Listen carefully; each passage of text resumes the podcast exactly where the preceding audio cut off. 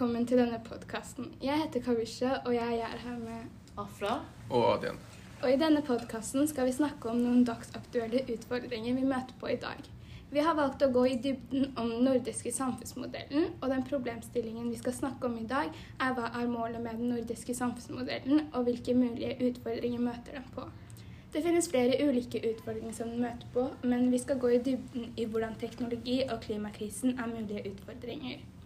Men først og fremst, hvorfor er samfunnsmodellen bra i forhold til de andre samfunnsmodellene vi har? Ja, Hvis man sammenligner den nordiske samfunnsmodellen med andre samfunnsmodeller, ser man at det er lav arbeidsledighet og små, små lønnsforskjeller mellom f.eks. menn og kvinner, som fører til en stor grad av likestilling. Også kan alle få en høy utdanning, alle kan ha en god helse, og det er lite korrupsjon hos de nordiske landene. Ja, jeg er enig med deg, men hva er den nordiske samfunnsmodellen, og hva er målet med den? Ja, En av de viktigste hendelsene for den nordiske samfunnsmodellen er jo trepartssamarbeidet. Trepartssamarbeidet skjedde i Norge i 1935, da arbeidstakerne, altså LO, og arbeidsgiverne, NHO, inngikk en avtale om samarbeidet som skulle prege Norge videre i framtiden. Målet med dette samarbeidet var å løse konflikter og komme fram til bra løsninger som var til fordel for begge eller flere parter. Trepartssamarbeidet er altså en av tre søyler som skaper den nordiske samfunnsmodellen. De to andre søylene er velferdsstaten og økonomisk styring. Vi finner en samarbeidsånd og solidaritetstanker i velferdsstaten.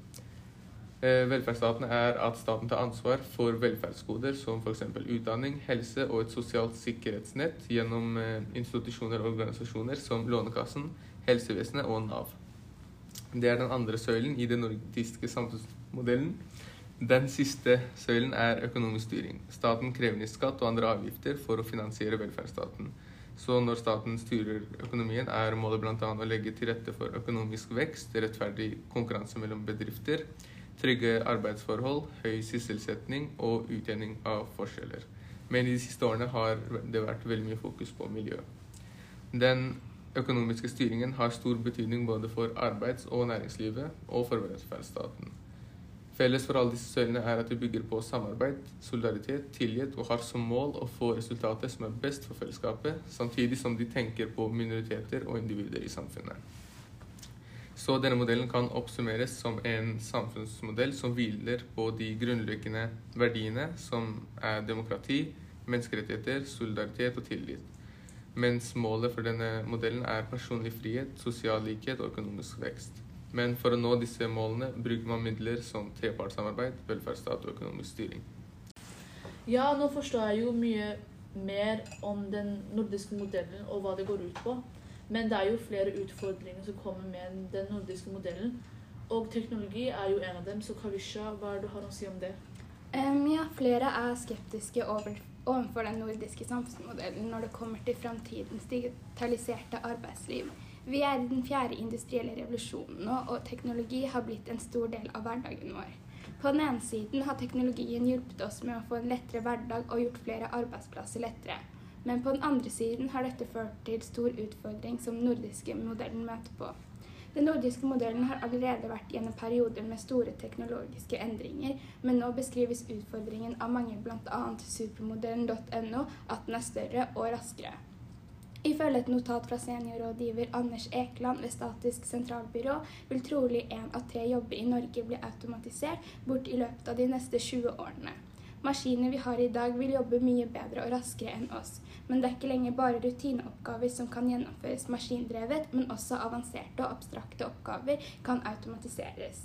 Det norske arbeidslivet vil sannsynligvis bestå av færre rutinepregede og flere kompetansekrevde og komplekse arbeidsoppgaver i framtiden.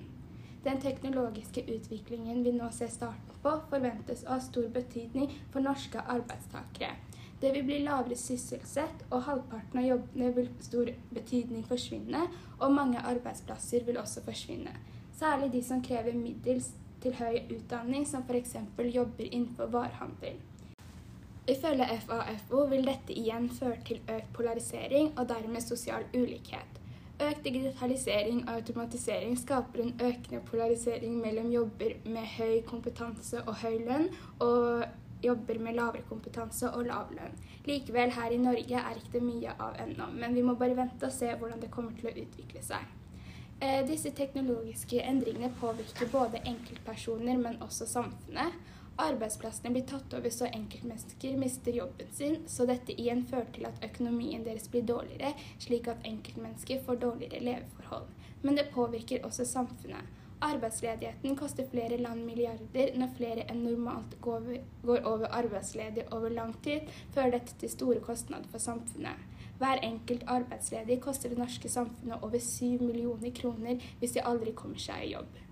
Men på en annen side kan man si at på kort sikt er teknologien en utfordring, men ikke på en lang sikt. Med dette mener jeg at de fleste som bor i de nordiske landene, vil fort få finne seg en ny jobb, og teknologien påvirker alle andre samfunnsmodeller også, og noen kanskje mer enn vår. Og vi må huske på at de nordiske landene har en veldig høy utdannet befolkning, som gjør at det er lettere å tilpasse seg. I land med lavere utdanning og manuelt arbeid er ikke dette nødvendigvis like enkelt. Men likevel vet vi ikke hvordan framtiden kommer til å se ut som.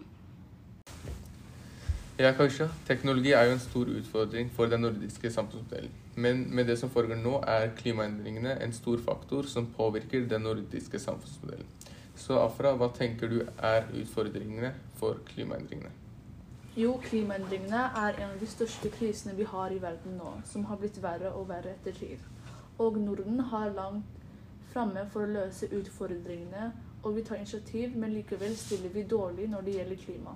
På den ene siden, som flere velstående land, er forbruket høyt og klimaavtrykket stort. Dette påvirker jordbruket vårt og fører til at vi får større klimaendringer som påvirker oss igjen. På den andre siden er Norges store oljeressurser en stor gave for Norge og dermed for velstandsnivået. Olje er en av de største inntektene for Norge, og samtidig møtes oljepolitikken med sterk kritikk av mange. Og det er knyttet til klimagassutslippet, som er krevende. Det er vanskelig å balansere den grønne hensyn og interesser knyttet til oljeindustrien. En annen faktor for klimaendringene det er at det er vanskeligheter med å dyrke mat. Det blir masse nedbør og stormer, og større økonomiske inntekter for Norge, som fangst av fisk, kan bli en utfordring. Pga. varmen som blir varmet opp av atmosfæren, gjør at havet blir surere, og hvis havet får en annen pH-verdi enn den originalt har, kommer fisker som torsk til å finne et nytt habitat. Hvis dette skjer, kommer det til å påvirke den norske modellen og den nordiske modellen pga. den ene pilaren til den norske modellen og den nordiske modellen er den økonomiske modellen.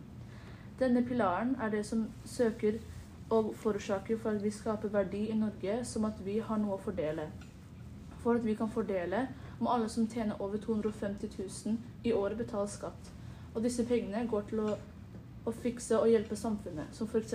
gratis helsehjelp og gratis utdanning. Den økonomiske modellen er en av de beina til selve velferdsmodellen, og sammen med arbeidsmodellen. Hvis den økonomiske modellen går i konkurs, eller samarbeidsmodellen går i konkurs, kommer velferdsstaten også til å bli ødelagt. Så de alle er avhengig av hverandre så forandringer i klimaet kan utfordre den norske modellen på høye grader. Veldig bra innspill herfra, men kunne du gjort en konklusjon? For å konkludere dreier den nordiske samfunnsmodellen seg hovedsakelig om kjennetegn ved det økonomiske systemet, det politiske systemet og arbeidslivsorganiseringen vi har i det nordiske landet. Modellen innebærer at staten og arbeidslivet parter samarbeider sentralt for å håndtere interessemotsetninger og finne løsninger på viktige samfunnsutfordringer. Det er altså en god samarbeid mellom partene i arbeidslivet. I denne podkasten fikk vi også vite om klimakrisen og de teknologiske endringene som er en av mulige utfordringer for samfunnsmodellen. Vi håper dere likte denne podkasten. Takk, Takk, for oss.